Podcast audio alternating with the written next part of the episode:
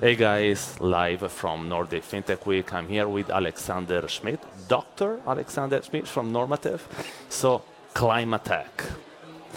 Climate tech is uh, a field where most of the new venture capitalists are invested right now, especially in emerging markets where I also, I also invest.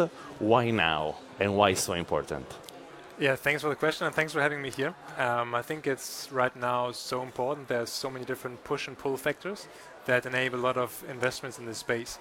We have on the push side, we have regulations ramping up. There's a necessity for companies to disclose their carbon, and for that they need to have support, such as normative offers.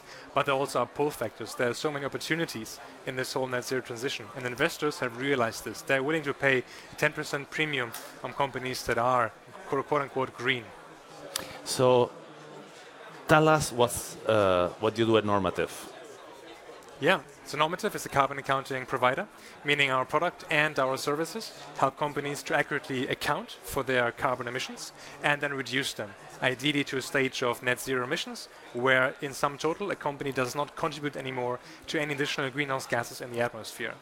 Now, my role is heading our science, sustainability, and climate research department, meaning I get the privilege to work with a lot of organizations uh, across the board on research, on reports, uh, on, on advancing the space, and ensuring normative scientific integrity.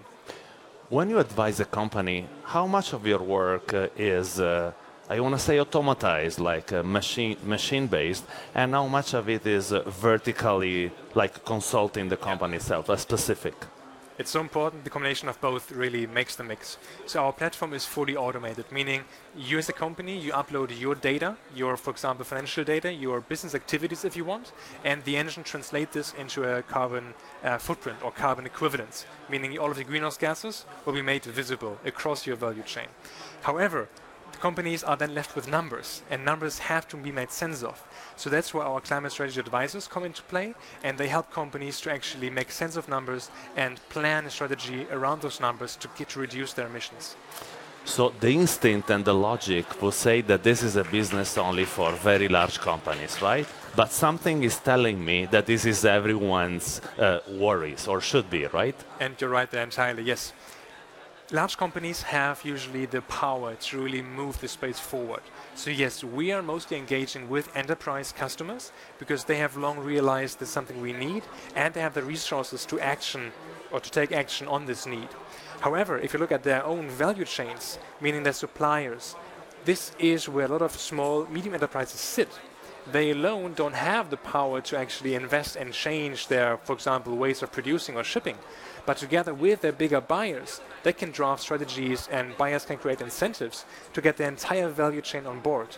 And that's so important because value chain emissions are on average 90% of a company's overall emissions. So without the small companies, a large company will not be able to decarbonize. So the advocacy role of large companies is super important to drag in in the sort of a snowball uh, smaller companies, right? That's exactly how, how we work with our enterprise customers, yes. Thank you. Thank you.